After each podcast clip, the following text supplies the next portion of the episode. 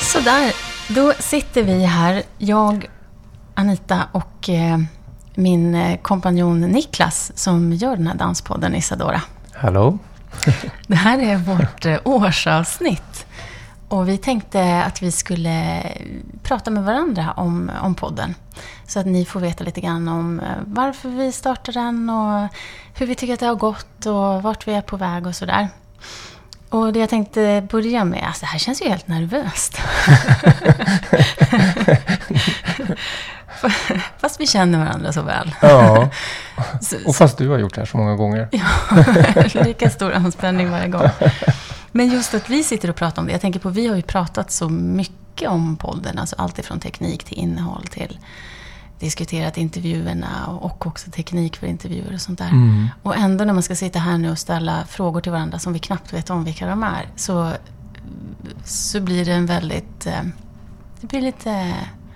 Pirrigt. Ja, Ja. pirrigt och spännande. Det känns som att man är under, under en eh, strålkastare här. Men jag kan säga att eh, vi började för ungefär ett år sedan. Jag tror att det var den 21 juli. Säger jag fel då? Nej, jag tror det är rätt. 2015. Ja. Och då var det en intervju som eh, vi gjorde med Akram Khan som var på vår besök här i april tror jag. Mm. Vi sin- träffades på en thai-restaurang någonstans. Yes, Ja. han ville äta och han var på jättebra humör eftersom han fick mat. så det kändes relativt lyckat, även om det inte brukar vara den bästa miljön kanske att spela in i. Mm. Så var det vårt premiäravsnitt. Ja. Och sen så, eh, det första riktiga avsnittet som spelades in här då i våran poddstudio, eh, det var med eh, Viktor Fröjd, Mm. housedansare och så. Mm. Såg honom på tvn, vad var det, TV4 Nyhetsmorgon och sånt där för ett par veckor sedan eller något sånt där. Just det, var det för den här kulturnatten? Ja, Eller? han dansar så himla fint. Ja, eller hur? Mm. Du, kan du känna igen dig i hans sätt att röra? Nej. Nej, han, jag tycker han är väldigt mjuk och... Alltså, jag har ju inte träffat honom, men han framstår som en ganska lång människa. Men har, använder sin längd till att skapa väldigt mjuka rörelser och Mm. eh, ett väldigt soft språk. Mm. Det- Nej, jag känner inte igen honom. Nej, Jag, jag känner mig mer som den han dansar med, som är liten och kort och, och rör mycket på fötterna. Just det. Han var lite mer ettrig. De hade verkligen så här olika... Japp, Jaha, kände Mm. du dig så här sp- sp- sprättig tänkte jag säga. det, ja. Ja. Han, dansar väldigt fint. Jag Mm. håller verkligen med. Och det var ett... Jag tänkte säga att det var ett jättebra samtal. Det var verkligen det. Särskilt när vi slutade spela in. För att vi var nog båda två ganska eh, artiga när vi, när vi pratade med varandra. Sen Mm. var det var roligt att göra intervjun och han Ja. var en fantastiskt kul person att intervjua. Men efteråt så pratade vi flera timmar om en massa saker som jag inte ens vet om jag kan nämna här. Men bland Mm. annat eh, healing. Det var väldigt intressant. Mm. Men så om man ser tillbaka då på hur vi började. Jag tänker på hur vi stod, var det hemma hos dig? Och spelade in så här påor och testade ljud. Och det var liksom, vi förstod inte varifrån de här missljuden kom och hur man skulle ställa in det hela Mm. och så. Japp. Eh, och jag tänkte att jag kommer aldrig att sätta en på som du tycker är bra. För du var så här, korta, korta. nu berättar du hela avsnittet. Om vi ser tillbaka på det här året. Vad, vad, tycker, du, eh, vad tycker du om det? Jag tycker ehm, överlag har det varit väldigt bra. Um, alltså för mig som är dansnybörjare eh, så har det varit väldigt... Det har varit som en liten skola, skulle jag vilja säga. Mm. Och du menar dansnybörjare som att titta på dans, Som danskonsument. Ja, just det. Ja, Mm. så jag skulle säga att för mig har det varit en liten skola. Ja. Mm. Har du gillat att gå i skolan? Ja. Dans för mig har nog varit en fråga om, om eh, en personlig sak. Alltså, jag dansar. Ute på dansgolvet. Ehm, jag har aldrig varit danskonsument egentligen. Du har inte tittat på dans? Nej. Varför då? För, att jag, för mig upplevs Jag känner, har känt ganska mycket att det har varit en personlig sak. Ehm, ja, Mm. Jag tror att jag är nog ganska typisk för Banan där ute. Mm. Eh, som eh, inte är någon överdriven danskonsument. Men som har ett förhållande till dans i alla fall. Ja, precis. Och i mitt fall så är det dansgolv och lite generaliserande ute i landet så, så dansar man kanske foxtrot Mm. eller eh, buggar eller något sånt där. Men det är någonting man gör själv, inte så mycket någonting man tittar på. Nej. Vi, träffades ju för några år sedan, du och jag, eller Mm. tre år sedan. Eh, och då pratade vi om dans, Japp. en del. Eh, men, eh, jag Entusiastiskt. Entusiastiskt, precis. Men jag träffade, och vi träffade också, eh, någon som du har pluggat med eller gått i gymnasiet med Ja. i somras. Och hon berättade för mig att så här, ja men Niklas var den man tog tag i om man ville gå ut och dansa, för man visste att han kunde dansa hur länge som helst. och det är fortfarande så, sa hon, för då var vi ute och dansade också. Japp. Jo, men som dans, som, vad ska vi kalla det? Upplevelse eller aktivitet. Eller, det är fortfarande, nu som 50-åring så är det eh, fortfarande väldigt viktigt och starkt för mig. Eh, I dansen så, så känner jag mig väldigt mycket som jag. Mm. Eh, så, så absolut. Mm. Ja, det såg jag. När vi var i Berlin och dansade på Berghain så var du väldigt... Bergheim! Ja. Så var du väldigt i dig själv. jag ser att vi la ner väldigt mycket jobb. Väldigt mycket jobb på den här podden. Mm. eh, Som mycket, mycket mer än jag trodde att det skulle bli. Jag kunde förstå att det skulle bli en del. Men, men det har blivit mer av annat än, än jag trodde att det skulle vara. Ja. Alltså förberedelser och liknande, ja. Men rätt mycket teknik och klipp. Och man har fått lära sig en hel del längs med vägen. Ja, att tekniken tar ju mycket mer uppmärksamhet än vad man tror. Ehm, det är ju inte bara journalistiskt arbete. Mm. Tyvärr måste jag säga. Tekniken är ju inte så himla himla spännande. Ehm, Eller? nej. Det tenderar att ta lite, ibland också lite fokus från ditt journalistiska arbete. Och det är ju synd.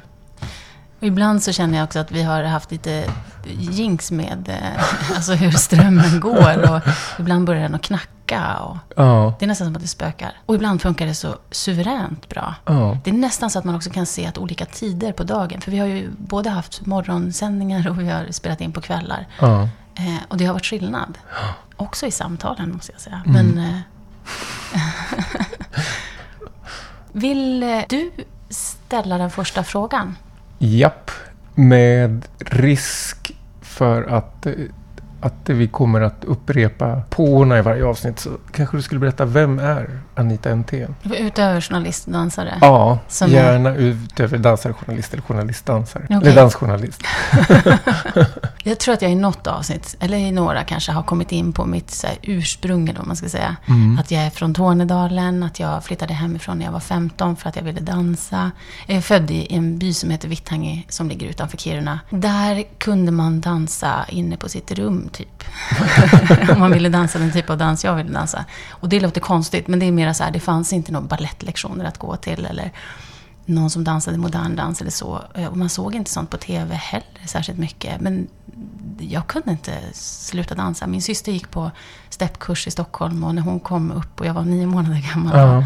så steppade jag med henne. Och, eh, jag har aldrig, aldrig inte dansat. Mm. Så att när jag, när jag flyttade hemifrån då, det stod mellan att gå humanistiska linjen, heter det då, Mm. eh, i Kiruna. För jag var jättespråkintresserad och tyckte det var, jag var bra på det. Mm.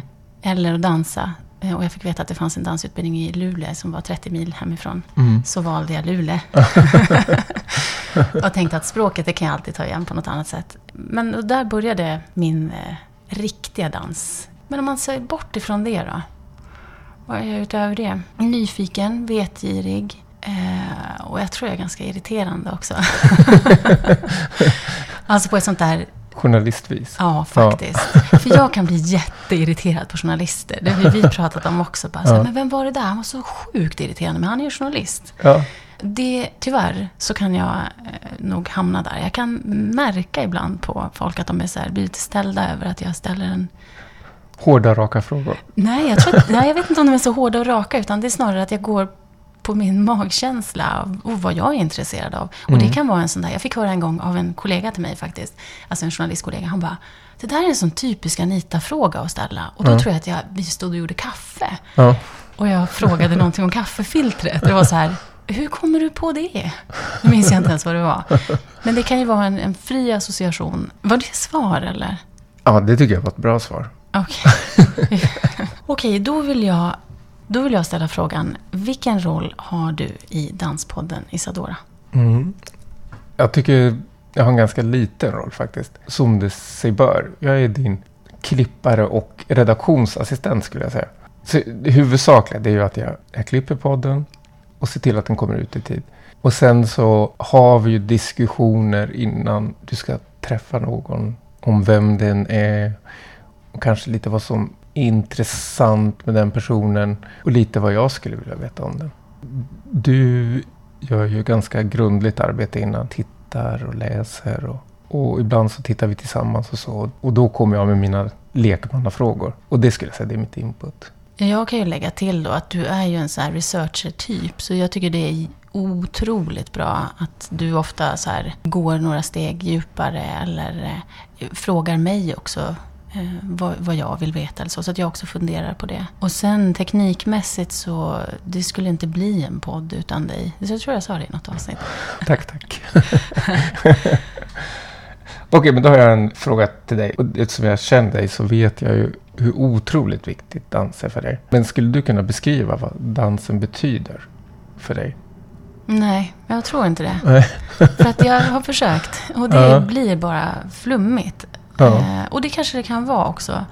Men jag tänker att alla som har ett intresse som, som man visst kan förklara på en massa olika sätt. Mm. Men som kanske bara känns sådär supersjälvklart. Mm. Och som både kan vara en eh, passion och en förbannelse. Mm. För att man kommer inte ifrån den. Ja. Och sen har jag ju utifrån så här upplevelser och erfarenheter utvecklat den på mitt sätt. Och, och antingen så tycker man om det eller så gör man inte det. Men de flesta har ju det i alla fall i sig. Vi har ett hjärta som slår, brukar någon säga. Ja. Det är inte Patrick Swayze i Dirty Dancing. Så redan där så har vi egentligen rytmen. Precis. Nu kommer jag på en, en följdfråga här. Mm. Jag måste avbryta det på en gång när jag Mm. glömmer bort den. Var någonstans i din kropp sitter dansen? Om du skulle peka på en kroppsdel, var skulle du säga där sitter dansen?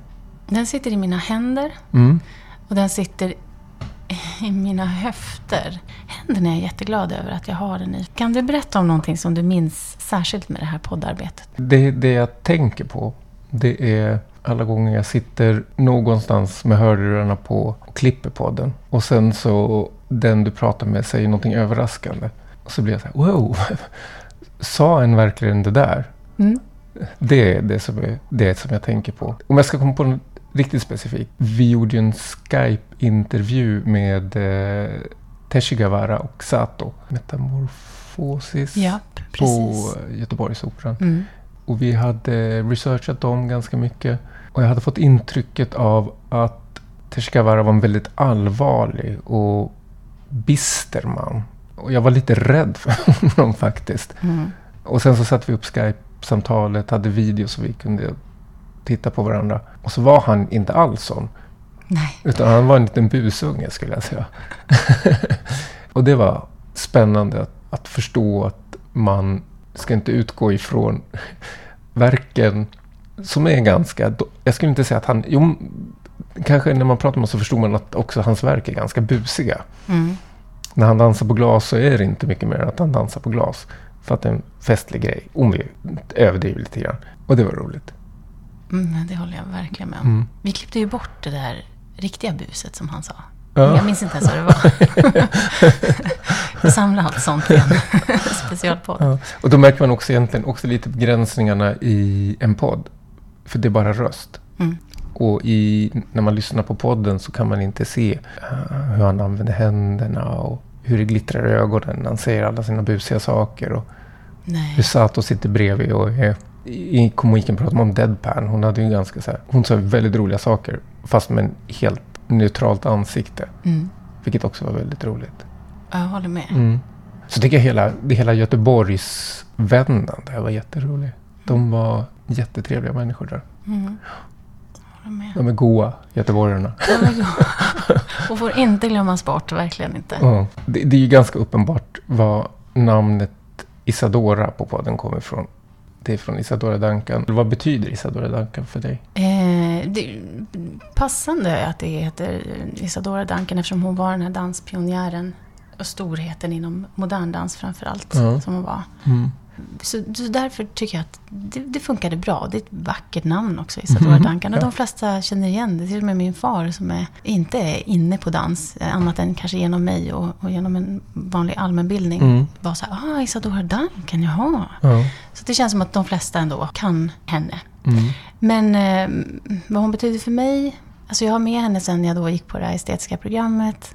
Och vi läste en hel del om henne och andra Mm. storheter. Eh, och hon var en utav dem. Martha Graham var en annan som vi praktiserade mycket också med hennes breathings. Vi brukade starta månaderna med att stretcha och köra hennes Martha breathings. Graham, är det hon som är contract release eller? Exakt. Ja. precis. Jag älskar just namnet breathings, alltså att man, för det är det man gör med contraction och release, alltså just att man andas genom det hela. Men det är ju inte Isadora Duncan direkt, men däremot så tycker jag att hon är cool, för hon var en eh, person som, eh, som tog plats och som, som skapade sig plats, precis som då den här podden har gjort och Mm. gör. Eh, och fick, hon tog liksom inte ett nej för, till svar. Utan om hon fick ett nej när hon ville uppträda med sin dansgrupp någonstans. Då gick hon in till beslutshavarna och så dansade hon för dem. Tills hon fick ett ja. kan man säga. Så det är väl lite så jag tänker också att vi ska göra. Det kan vara värt att påpeka också att ett av avsnitten så pratade du med Lilly och Kathleen. Precis. Som är de för Isadora Duncans skola vidare här i Sverige. Absolut, precis. Mm. Nu tänker jag hoppa över min andra fråga. Och så tänker jag hoppa över till en som jag är jätteintresserad av. För jag vet ju att du utöver ditt dansintresse då är du är en IT-människa. Mm. Och du har startat och drivit ett företag med API-er. Mm. Och där hade ni också en egen show, eller vad man ska säga, under en period. Ja, Eh, exakt. Det var ju... som du programledde. Ja, Och den var ju visuell också. Ja, just Så det. hade ni ju kunnat ha lite... En VOD kallar man En det. VOD, ja, Ja. just det. Mm. Japp, jo, vi hade en YouTube-kanal. Mm. Ja, det var ju faktiskt på, på företagets kanal. Så hade vi en show som hette Unprepared Geeks. Just det. Mm. Och, och då pratade ni om olika... IT-företeelser. Precis. Mm. Och så gav ni dem tummen upp eller tummen ner. Ja, vi hade Mary Kill Boink Mm. på olika företeelser. Just det. Hur länge körde ni den? Det var inte så himla länge. Det var ett halvt år eller något sånt där. Mm. Och det, det la vi ner därför att det tog så otroligt mycket tid. Kanske inte för mig eller för de som var framför kameran. Men för de som var bakom kameran tog det väldigt mycket tid. Det var en kort period, men det var, det var väldigt roligt. Mm, lärorikt eller? Japp, väldigt lärorikt. Vad- Också väldigt obekvämt. att, Inte nog med att man måste höra sig själv, man måste se sig själv också. Det, det är skitjobbigt. men är inte det också en liten tjusning? Alltså, Nej. Nej, faktiskt inte. Okej, men om du nu hade en podd. Jag vet ju att du lyssnar på mycket poddar. Ja. Vad skulle det vara för en typ av podd då? Jag skulle säga så här. Det är inte så mycket typen av podd, utan mer ett problem med poddar. Det är att alla poddar har ganska begränsad med ekonomi. Det innebär att alla poddar, praktiskt taget precis som Isadora, är intervjupoddar. För att det är relativt lätt att göra. Det är intressant och det är inget fel på det. Men jag skulle hellre vilja i så fall göra någonting som är mer reportagelikt. Någonting som kräver lite mer budget, lite mer arbete. Mm. Som man pratar om, som inte är ett samtal man spelar in och sen klipper ihop. Utan man, man kanske har många samtal, man undersöker ett visst ämne. Vi har ju pratat om det i Fisadora också. Och det har, vi har inte riktigt fått till det. Därför att det tar så mycket tid. Man skulle kunna göra in, inom ramen för Isadora. Housens historia i Sverige. Som Mm. dansstil. Eller, nu tog jag bara vad som helst. Mm. balletten i Sverige och intervjua sådana som dansade på operan för länge sedan och idag och olika ledare och sådär. Mm. Men det, det tar tid att producera. Mm. Kräver ganska mycket pengar helt enkelt för att producera det. Mm. Så något sånt skulle jag göra. Det finns jättemycket man skulle kunna göra. Ja, Mm. härligt. Mm. Du har ju pratat med ganska många intressanta människor. Mm. Vad är det? 25, 30, Mm. någonting sånt där. Mm. Jättespännande, intressanta människor. Viktiga människor. Men vilka är dina drömmöten inom ramen för Isadora? Vilka skulle du vilja prata med? Jag tänker fortsätta upprepa så här Mats Ek. Ja. Så här ring. eh, och hans, eh, jag vill jag, inte mus, absolut inte, men hans favoritdansare, eller en utav dem, eh, Sylvie Guillem. Mm. Henne har vi inte försökt få tag på, men jag vet inte om hon pratar engelska. Jag hoppas det i så fall. Ja, annars får du lära dig franska. Annars får du inte köra intervjun. eh, eh, det är två intressanta Mm. personer. Det finns ju hur många som helst. Ja. Men jag tänker på en som inte finns längre, men som är så himla... Han har påverkat så mycket och är så cool. Eh, Och han heter eh, Rudolf Nurejev. ja, det känner ju De- till och med jag till, höll jag på att säga. Exakt, alltså han är ju, jag vet inte, någon slags rockstjärna inom balletten och inom dansvärlden. Ja. Han lever ju inte längre. Nej. Han var chef på Parisoperan när Sylvie, han plockade in henne som en väldigt ung eh, premiärdansare. Ja. hon, hon, blev, hon steg i graderna väldigt snabbt. Mm. Eh, och eh, det var ju på 80-talet. Japp. Ja. Men, men han skulle jag verkligen vilja träffa. Jag tänker på, jag läste en bok om honom som heter Dansare. Som, eh, nu ska vi se, han... Colin McCann har skrivit. Jag rekommenderar verkligen den här boken. För att Mm. är, det är en fascinerande bok. Det är inte en renodlad dokumentärbok. Mm. Men den är en bra, bra historia om en, en fattig, misshandlad kille. Som eh, hamnar på de stora scenerna i Paris och New York. I Andy Warhols New York på den tiden. Så här jetset. Mm. Eh, och han är... Folk vill vara med honom för att han är magisk. Han hänger i luften lite längre än man egentligen ska kunna göra. Som Mm. en humla som flyger. Det är så här, hur är det där möjligt? Mm. Jag tänkte bara att jag skulle läsa ett, ett utdrag ur den här boken, alltså, som, alltså vad den handlar om. Ja. Och det står så här. Det första året Rudolf Nurejev dansade i Paris 1961 så kastades följande föremål upp på scenen. 10 hundrafranksedlar sammanhållna av en gummisnodd, ett paket ryskt te, påskliljor stulna i Louvrens trädgårdar, 18 par trosor, krossat glas, hotellnycklar. Ett bevis på hur starka känslor hans danskonst väckte och vilken dyrkan publiken riktade mot honom. Alltså jag tror han... När man ser någonting sånt som han har varit... Jag har sett honom på film, men det Mm. går ju inte att jämföra. Nej. Och ändå kan man ändå känna den här dragningen. Mm. Eh, Så, så vet man nog inte riktigt vad man ska göra. Det är ju eh, klassiskt då att man kastar upp, eller man, nej inte jag, men trosor och sånt där på scenen. Men att man kanske inte riktigt vet eh, hur man ska visa sin beundran för den här personen på scenen. Ja. Så, så man märker ju här att folk hade med sig glas, eller jag vet inte, de bara kastade det de hade. Hotellnycklar också, det låter ju i och för sig ganska logiskt. Men jag, det hade ju varit en, en fantastisk person att träffa. Mm. Men alltså någon som lever då, Mikhail eh, Baryshnikov, hade ju varit cool att ha här. Han brukar ju hänga med Mats Ek. och Mats Eks fru, Anna Laguna, de har dansat mycket ihop, koreograferade utav Mats Ek. Eh, Jag satt på MDT en gång och eh, MDT det är Moderna Dansteatern i Stockholm, väldigt liten scen. Mm. Och så var det någon som sa excuse me, excuse me. De, precis när föreställningen hade börjat så går han förbi mig och rör vid mina knän, tänkte jag säga. Jag kan inte tro mina ögon, men han kom dit för att se...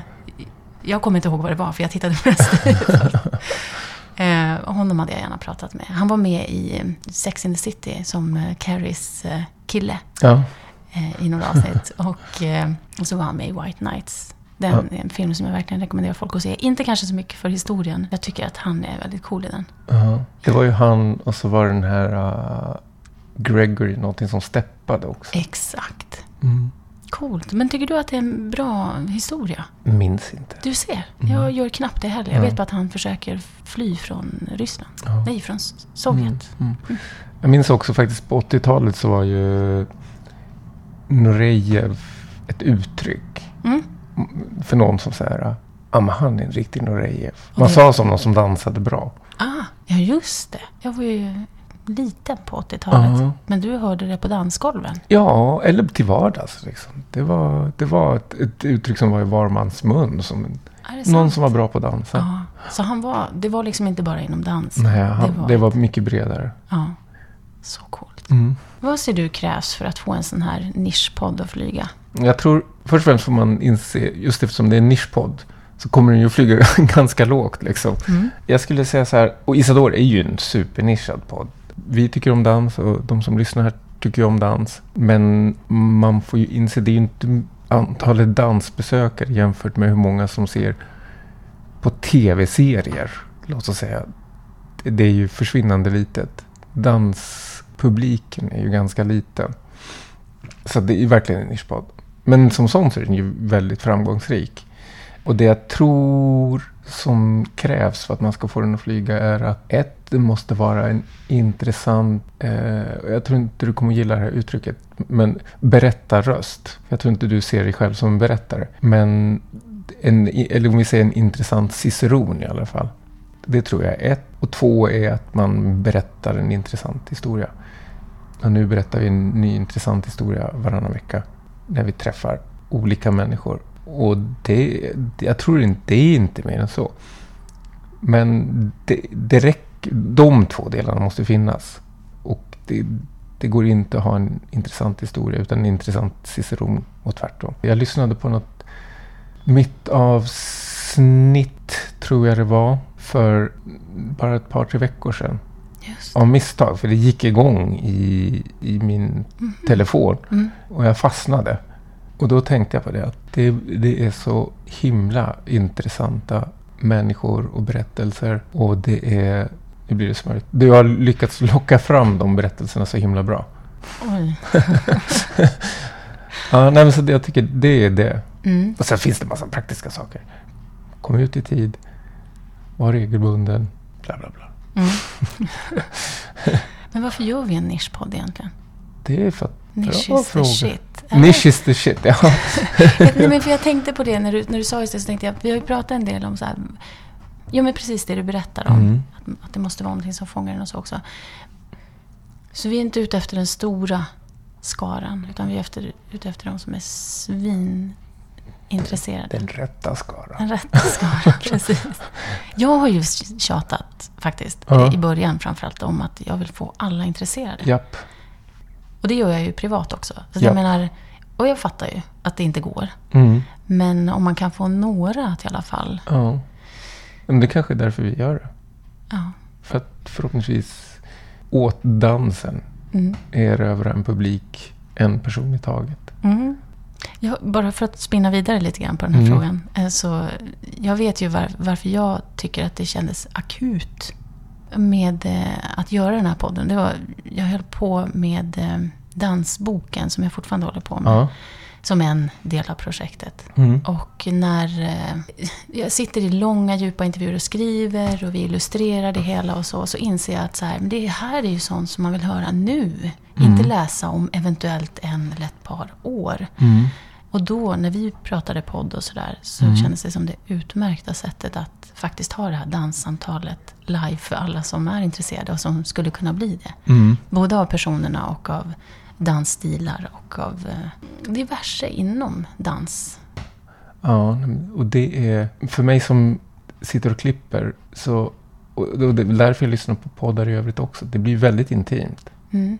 Och den som, som du pratar med, man tycker ju att man känner den lite bättre i slutet på den här timmen. Mm.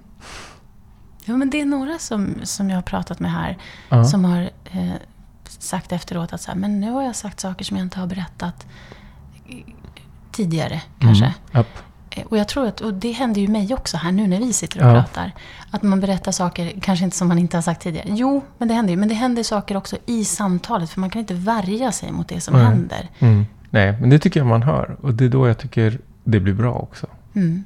När, person, när båda personerna i samtalet, och ibland är det fler personer också, är närvarande. Ja, det, det är en tjusning med podd, Mm, definitivt. Mm. Och med, eh, direktsändning tänkte jag säga också. jo, men det är lite direktsändning över det. ja. Okej, nu när vi sitter här så är det 23 augusti. Mm.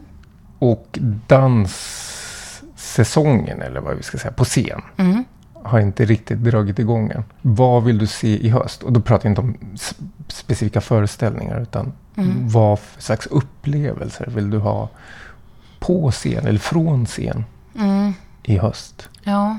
Var det en svår Eh, fråga? Ja, jag tycker det. Alltså, och samtidigt så finns det väl ett självklart svar. Fast jag tänker att jag alltid, när jag går och ser dans, så Mm. försöker jag vara lite blank. Vilket jag inte är såklart. Mm. Men jag, jag tror att jag vill se mer av sånt som faktiskt provocerar mig.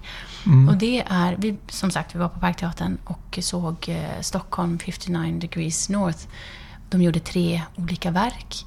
Eh, som väckte väldigt olika känslor i mig. Ja. Alltså det första väckte en känsla, eller ett par. Och eh, det andra tyckte jag var helt fantastiskt. Det var en pas de deux där eh, två dansare gjorde jag vet inte. Det var, de var så otroligt samspelta. Mm. Och det var inte bara det att de var att de rörde sig så väldigt likt, eller vad man ska Mm. säga, utan följde varandra. Utan de kände varandra på något sätt som, som gick igenom. Mm, jag håller med. Jag kände håller en med. enorm... Det var ett par dansare från Cullbergbaletten. Precis. Ja. Nej. De är från Kungliga Baletten. Kungliga Baletten, Yes. ja. Och sen så var det tredje verket då, inte dålig dans, absolut inte, det kan det ju inte vara. Men, men däremot så blev jag faktiskt eh, provocerad av att de använde bananer som ett sånt här Bolibompa-inslag. ja. Eh, Och jag kunde liksom inte hejda mig, för när vi pratade om det efteråt så fick jag en sån här snip i mun när jag Ja, ja, ja. pratade om det. ja. Jag tyckte det var jätteroligt. Ja. att det var så himla upprörd. Ja, för jag, kunde liksom, jag kan inte förklara vad det är det väcker i mig. Ja. Och varför det gör det. Varför blir jag provocerad utav det? Mm. Så kanske mera sånt. Mera bananer på scen. Eller mera liksom... Jag har blivit det av, vid andra tillfällen också där jag inte har kunnat förklara vad det är att de gör det de gör på scen. Mm. Det, det, väldigt, det går faktiskt inte att ta på för att ibland så funkar det, ibland funkar det inte alls. Det här tyckte jag var pajaseri som Mm. jag inte tyckte hörde hemma där. Med tanke på att dansen i sig var rätt bra och skarp emellanåt. Ja. Så mera sånt. Mm. Kanske. ja, mera sånt. Ja, Jag har skannat igenom höstens utbud. Mm. Tyvärr finns det ingenting som jag kan se som har med bananer att göra. Vi får kolla. Men det kommer säkert att finnas andra inslag. De kanske spottar eller Ja. Gör... Nu vet jag inte varför jag kommer tänka på det. Men, Bananer eller spott. men det fanns en period på Dansens hus som var väldigt... Alltså där de utmanade väldigt mycket. Jag tror det var under Virvi Sutinens tid där. Ja. Jag tyckte det var superintressant och många gånger så gick... Alltså jag blev ibland rädd när jag satt och såg föreställningen. Det var under Kenneth Kvarnströms tid. Det var en otrolig blandning utav föreställningar. Jag sa det till dig häromdagen Aha. att nu idag så är de ganska mallade många gånger. De är i alla fall utvalda så att de är nästan en timme, en och en halv kanske. Japp. Då kunde man sitta fem timmar Mm. och faktiskt vara tvungen att nicka till emellanåt eller ha med sig en matsäck. Och så vissa var väldigt korta. Ja. Så då var det en helt annan spread på det. Det här var 10-15 år sedan. Det kanske var en period när jag började gå väldigt mycket mer på dans än jag hade gjort. Mm. Eh, Och då har det som referens och sen så ser det annorlunda ut idag. Mm. Mm. Ja, jag tänker på sånt som får en att haja till. Det, det, det ser man ganska ofta. Mm. Och, och jag tycker om det. Mm. Man behöver inte ens tycka att det är så himla bra. Eller man kan vara osäker på om det är bra eller inte. Mm. Det jag tycker om, det är när man kommer därifrån och är lite så här skakad. Mm. Och man vet inte, vad fan var det som hände egentligen? Mm. Och det kan vara antingen, vad fan var det som hände? Eller så kan det vara, var det här bra eller var det dåligt? Mm. Eller var det dans eller var det någonting annat? Och det, det några sådana upplevelser tycker jag vi har haft under året. Man kanske inte ska peka ut några, men jag tänker på Suen, Voracious, Just det, Buto. But- det är ju avantgarde. Ja, verkligen. Och också saker som ÖFA-kollektivet har gjort. Just det. Det är spännande. Och är det viktigt att det är dans? För att jag tänker, när man, det är just det här, man går på ett ställe som heter Dansens hus, och man går på operan och så förväntar man sig att se dans. Och så är det viktigt för dig att det är dans. Ja, det är en intressant fråga. Det finns ju en grad av att man kan känna sig lurad. En hel del falsk marknadsföring. Jag tror det kan man dra upp ett ganska bra exempel så att man förstår. För att jag tror att många är så här, ja men ja, det behöver det inte vara. Så går man och ser någonting som är mer performance eller någonting. Mm. Men det är inom en väntad sfär. Mm. Men om vi gick så här, ja, men nu ska vi gå och se dans på Dansens hus. Och så går man upp och så ser man någonting som inte är så närliggande. Utan två per person som pucklar på varandra, låt oss säga. Mm. Då tror jag att de flesta skulle bli så här, men det här var faktiskt inte vad jag signade upp för. Mm. Så att, eh, jag tror man får vara medveten om att det finns en risk i det. Mm. Att göra någonting som rör sig bort ifrån vår uppfattning av vad dans är. Och nu är det ganska spritt, men jag tror att det finns en kärna i alla fall.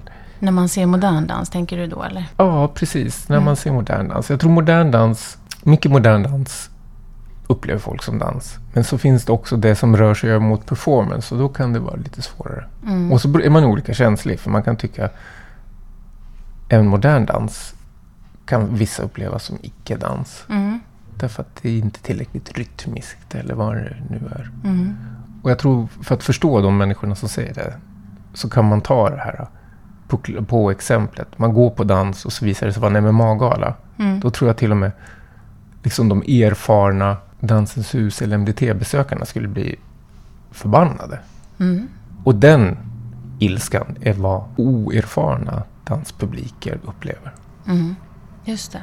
Nu vet jag inte vart det leder riktigt, men, eh, men jag tror det är en del av komplexiteten i hur folk...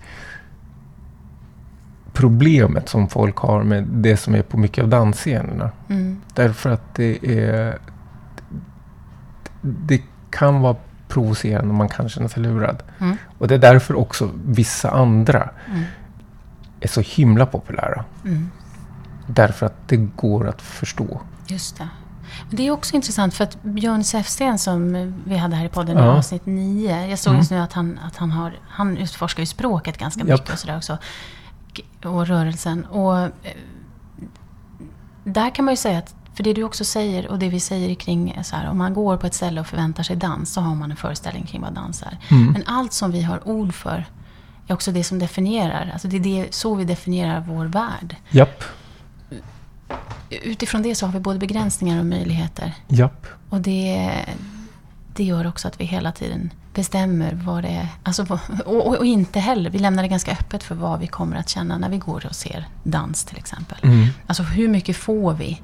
Hur mycket information får vi innan vi går in på föreställningen? Jag tänker om man ser en föreställning som Malin Hellquist har gjort där hon har rörelse som något tema och hon ser rörelse som så en folkrörelse eller liknande. Eller hon har tid som en, ett tema och sitter i en kub eh, och samtalar med folk. Mm. Då kan man ju kanske bli alltså, positivt inställd eller så känner man att det här var inte dans men det var bra. Ja. Eller det var intressant. Mm. Eller det var helt uppåt väggarna. Man vet inte riktigt. När man går in och ser en, en modern dansföreställning så ska man nog vara så öppen som man kan. Ja, och jag tror också förberedd, om man inte är dansvan, förberedd på att det kanske inte riktigt liknar hur du använder ordet dans. Kan man Alltså, likna det vid någonting annat? Här- dans för dig, din bild av det betecknade är helt annorlunda Mm. än vad du verkligen kommer att få se. Jag tänker på mat till exempel, som är ett delat intresse och som du också är väldigt intresserad av. Mm. Eh, och hur kockar, eh, eller när man, matkonstnärer kan man ju säga, Ja, är o- ofta inte kanske är så intresserade av att äta så himla gott. nej, Alltså de, man äter ju för att man behöver mat. japp. Men sen det där andra, alltså att göra matkonst. Mm. Det är någonting annat. Ja, det är det att är- utforska ja, smaker ja. På, ett helt, och på helt andra nivåer. Mm. Det är också någonting som, som kan provocera oerhört. Ja, Alltså dels mängden mat vi får, japp. men också hur den är komponerad. Och också smaker och konsistenser som, är, som man inte alls är van att möta. Mm. Också att det är ganska cerebralt. Mm. Så det, det- är samma sak där. Om Mm. din förväntning på mat är kolhydrat, protein och mycket. Så kan det bli... Kan man bli ganska upprörd. Och det är ju så klassiska skämt om man får två korslagda sparrisar typ. Mm. Och det är på gränsen. Det är inte mat. Nej. Det är teater. Mm. Och uttrycket det är saker man stoppar i munnen. Men det du går på är teater. Mm. Så också att våga vara lite, alltså att få känna de här delarna. Alltså, vi, man behöver inte gå och se en föreställning eller dansverk eller, Mm. eller gå på en restaurang och vara så jäkla glad när man går därifrån. Nej. Utan man kanske är förbannad. Ja, och framförallt, jag Eller- tycker det bästa är när jag är förvirrad. Ja, just det. Det tycker jag är skojigast. Ja. Gillar du att vara förvirrad eller Ja. gillar du det som kommer ut efter Jag gillar att vara förvirrad. Ja, För jag vet att det kommer komma bra saker ut ur det. mm. det är häftigt. Mm. Ja, det är häftigt. Och det, det är bra med dans. Mm. Det kan göra dig förvirrad. Mm. Bra, där har ni en sälj. Vad säger du, ska vi wrappa upp? Det kan vi göra. Ja, för vi har pratat om hösten. Ja. Och, mm, vad ska du dansa i höst? Jag ska en vecka till New York och dansa, vilket är jätte, jätteroligt. Jag var där, när vi var där för några år sedan, jag Just träffade det. Helena Fransén och gjorde eh, intervjuer med henne, så hann jag med en eh, danslektion på Broadway Dance Center. Och då eh, så tänkte jag att det hade varit underbart att komma hit och dansa en hel Mm. vecka och bara köra. Mm. Och sen så gick min önskan i uppfyllelse i julas. Så att jag, eh, jag åker dit och dansar. Det kommer bli grymt. Mm. Sen så kommer jag att dansa mm, house och jazz och ballett. Kommer jag fortsätta ta klasser. Mm. Eh, kommer också bli jättehärligt för jag har gjort det ganska lite nu den senaste tiden. Jag har eh, sprungit en, eh, mycket mer kan man Mm. säga och styrketränat. Öh. Men det, det har varit nödvändigt. Och sen så vill jag också fortsätta hålla workshops i dans i olika, alltså på företag och gärna skolor och äldreboenden. Vi får se hur mycket det hinns med. Det skulle vara jätteroligt. Och sen, sist av allt, så vill jag gärna fortsätta hänga på klubbar och dansa. Lighthouse och Slakthuset som vi har i Stockholm. Lighthouse är ju superhärligt med sin tedrickande Ja. danspublik. Just. Eh, lite så här uppis, eller vad man ska kalla det, fritids. Ja, de är så himla duktiga. Många himla duktiga dansare där. Verkligen. Ja. Och så, det här handlar inte om någonting annat än att dansa. Mm. Och det är också så här, inga sena timmar, utan det är några timmar sådär på kvällen. Mm. En tisdag. Ja. Det är verkligen dansentusiaster på det Mm. viset. Oh, ja, fast det är det. ja. Mm. Okej, Mm. men eh, då får vi avsluta med det här. Jag hade tänkt att vi skulle välja en gemensam låt som får eh, runda av det här avsnittet. Så att... Eh, hör på den här. Hej då.